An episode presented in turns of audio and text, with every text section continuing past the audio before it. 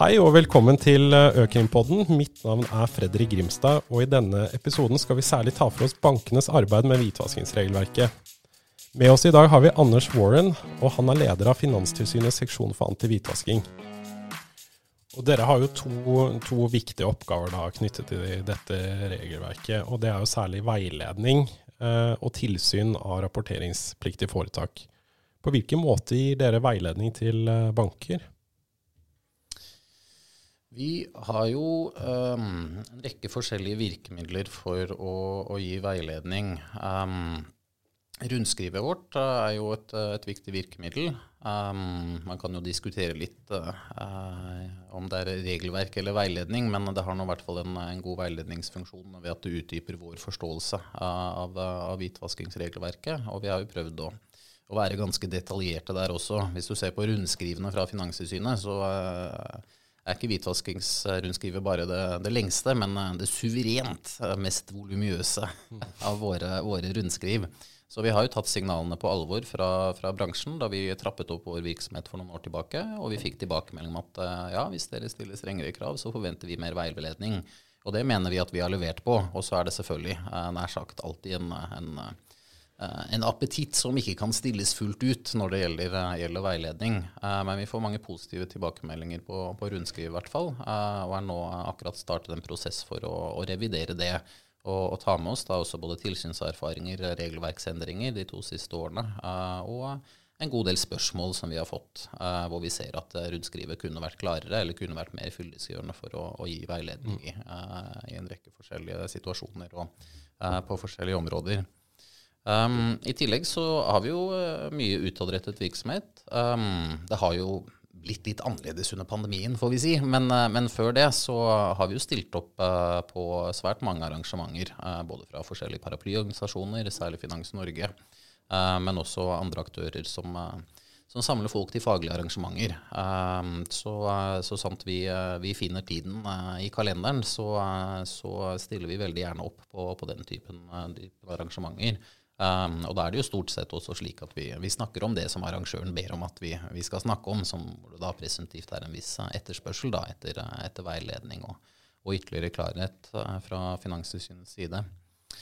Um, vi mener jo også, og får en viss internasjonal anerkjennelse for det, at det å publisere tilsynsrapporter gir god veiledning. I svært mange land så gjør man jo ikke det, eller publiserer noen sammendrag som er så korte at man ikke blir så veldig kloke på Eh, på hva som er opp eller ned eh, i, i foretak hvor det har vært tilsyn. og Uh, dette er noe vi gjør på alle områder, ikke bare på, på hvitvaskingsområdet. Uh, og vi uh, noterer oss det at ikke alle foretak som er veldig fornøyd med det, føler at de blir hengt litt ut i tørk. Um, men um, det er en viktig motivasjon også for å publisere tilsynsrapporter at andre kan gå inn og lese på et detaljnivå som er fornuftig. hva er etterlevelsen, ikke minst hva hva slags etterlevelse, hva slags faktisk situasjon er det i dette foretaket som leder til at Finanstilsynet er misfornøyde, gir kritikk eller ytterste konsekvens kommer med en reaksjon? Og Det ser vi jo mange eksempler på også, at foretak har fordypet seg i uh, tilsynsrapporter uh, som vi, vi, har publisert, og, og, tatt med seg de uh, observasjonene og konklusjonene som er der, i sitt eget implementeringsarbeid. Så det tenker jeg er jo en måte også hvor foretakene langt på vei kan lære av hverandre. Um, i konteksten av å, å, lese disse uh, tilsynsrapportene. Ellers så mottar vi svært mange henvendelser, både på e-post og eh, brev til dels, og, og, telefon. Og vi forsøker også å svare ut alle de så fort, fort, det lar seg gjøre. Så um, vi har, har da i hvert fall 1000 enkelthenvendelser i året, med stort og smått, som, som vi svarer ut. Disse tilsynsrapportene dere publiserer på nettsiden deres, forventer dere at alle banker og andre rapporteringspliktige foretak leser tilsynsrapportene som eh, er skrevet for andre foretak?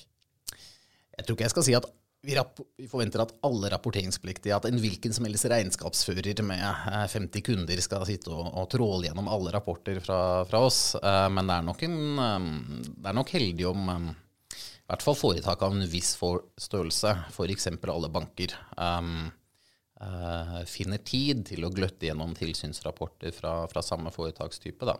Som sagt, vi, vi, ser jo det at uh, de bankene som leser uh, andre tilsynsrapporter på bankområdet, i hvert fall, når det gjelder hvitvaskingsetterlevelse, har, har, en glede av det. Uh, men vi vil jo aldri kritisere et foretak uh, verken over bordet eller i en rapport for at de ikke leste forrige rapport, eller uh, naboens konklusjon fra naboens tilsyn. Men jeg tror nå i hvert fall det ligger en såpass ålreit veiledningsverdi der at jeg, jeg, vil i hvert fall oppfordre til at man gjør seg kjent med, med tilsynsrapporter innenfor samme sektor som man selv driver. Mm. Når forventer du at det nye, nye rundskrivet er på plass? Uh, vi regner med at det skal være på plass til våren. Uh, I løpet av våren, får jeg si. Um, vi hadde jo egentlig en plan om å uh, komme en revisjon litt tidligere, men det var jo viktig for oss å vente til endringene i hvitvaskingsforskriften ble fastsatt. og de kom jo rett før, før sommeren. Um, for det er viktig å reflektere de endringene i, i rundskrivet. Og Samtidig så har vi jo en, en løpende liste på kontoret, for å si det sånn, over um, alt vi selv har avdekket, eller som andre har avdekket, eh, og som er kommet til vårt, uh, vår oppmerksomhet uh, ved henvendelser og spørsmål etc., hvor vi ser at det er et behov for å, å klargjøre, bygge ut eller, eller justere på, på, rundskrivet. Jeg må jo innrømme at selv om det er et godt dokument, så er det jo en og annen vag formulering eller upresishet eller dårlige formuleringer. Så en litt sånn generelt ansiktsløft er det nok, eh, nok grunnlag for, uh, i tillegg til å, reflektere da, eh, regelverksendringene siden sist. Mm. Men Hvilke erfaringer har dere fra alle disse tilsynsbesøkene dere har gjennomført uh, de siste årene? Hva er liksom de store manglene i uh, arbeidet med etterlevelsen av regelverket? Ja, Her kunne vi jo snakket veldig lenge om veldig mange konkrete utfordringer. Um, jeg tror Hvis jeg skal prøve å, å generalisere litt, så, så, er jo utfordringen rett og slett å lykkes med den risikobaserte tilnærmingen. Um, vi ser en klar bedring i etterlevelsen av det som er rent regelbasert. Altså hva må du alltid gjøre i alle tilfeller på uh, Eller alle normaltilfeller på, på kundetiltak. Um, hva må du ha på plass av eh, systemer, eh, rutiner, rammeverk osv. Vi ser jo at eh, der hvor man kan lese ganske enkelt ut av regelverket hva må jeg ha og hva må jeg gjøre, så vil jeg si at i hvert fall for banksektoren så er det en, klar forbedring, og det er mange som, som kommer i mål. Um, men alt som er risikobasert, er litt vanskeligere. Um, og det gjelder jo alt fra risikovurderingen. Det er lettere å identifisere risikoen enn å vurdere den. Eh, på rutineverket. Det er lettere å ha et standard rutineverk eh, som dekker over alle eh, regelverkskrav, enn å ha et risikobasert rutineverk som virkelig tar inn over seg hva er våre risikoer, og hva er rutinene for å håndtere de helt konkret.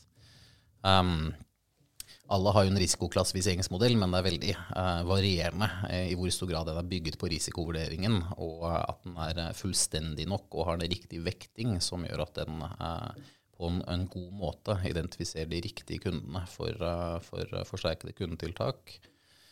Og forsterkede kundetiltak, der er det vel nesten ingen som har gjort det bra så langt. Der ser vi i små banker, mellomstore banker, store banker, eh, nesten overalt at de forsterkede kundetiltakene er de samme som de vanlige kundetiltakene, bare med en hyppigere, uh, hyppigere løpende oppfølging. Um, kanskje noe mer kundekontaktspørsmål kundekontakt, spørsmål til kunden, men uh, dokumentasjonen på de forsterkede kundetiltakene er gjennomgående svært mangelfull og dårlig. Um, og det en, har nok vært en altfor lav bevissthet om rett og slett hva er et forsterket kundetiltak. Um, hva, hvordan skal det gjennomføres, hvordan skal det dokumenteres, og i etterkant hvordan skal det vurderes.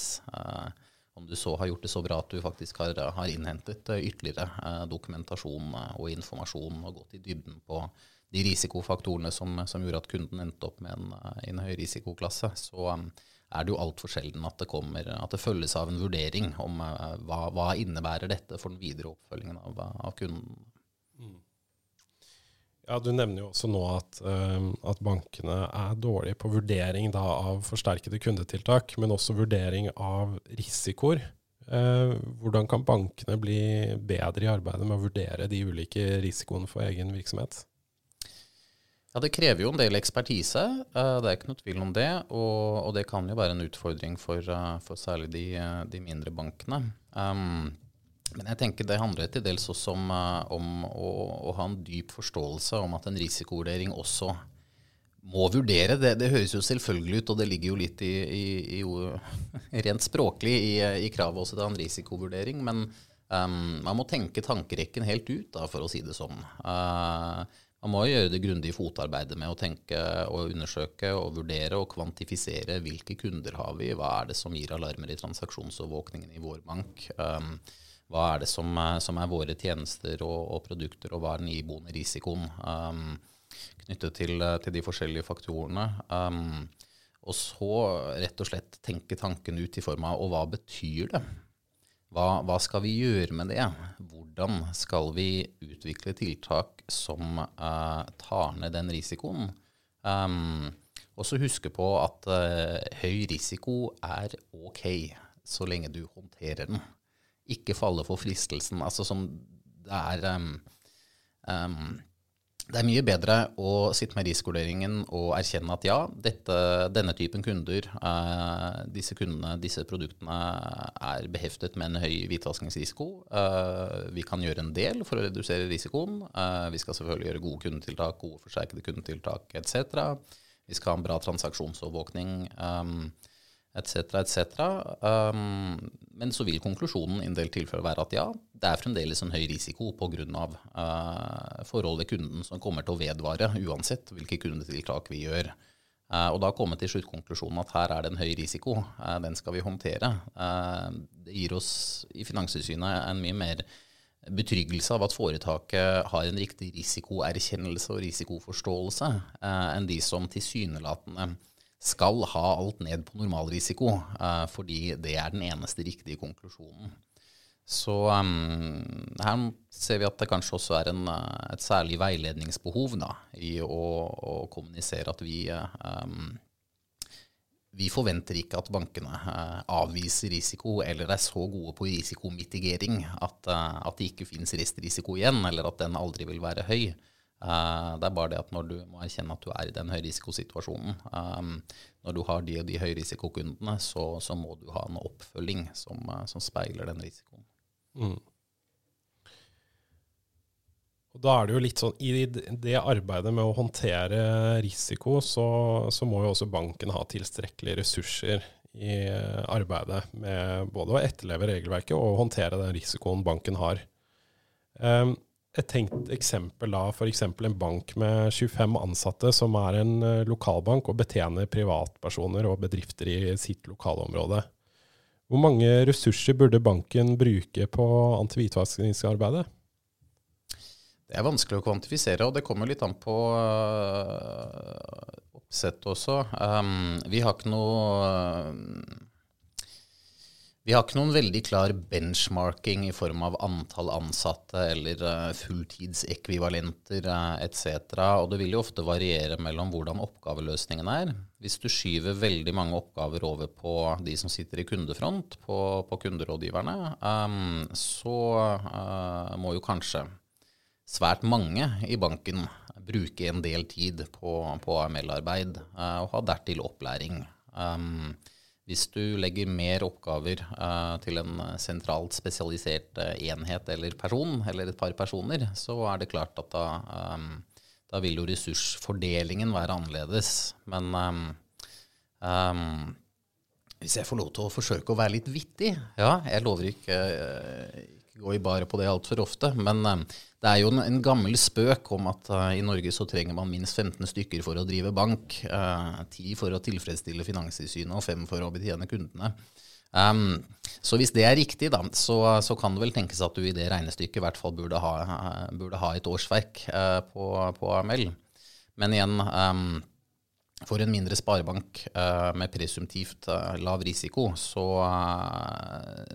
så innbiller ikke vi oss at man må ha verken den eh, landets dypeste ekspertise eller en, eh, en fullstendig disproporsjonal ressursbruk. Og vi ser jo også eksempler på, på, sparebanker vi har vært i hvor det er et sted mellom 15 og 20 ansatte, eh, hvor det har utrolig mye å si om du har én ildsjel som er kompetent, hissig på å få eh, oppdatert kunnskapen sin, og som har en betydelig gjennomslag i, eh, i organisasjonen, eh, kontra de som ikke har ett slikt menneske.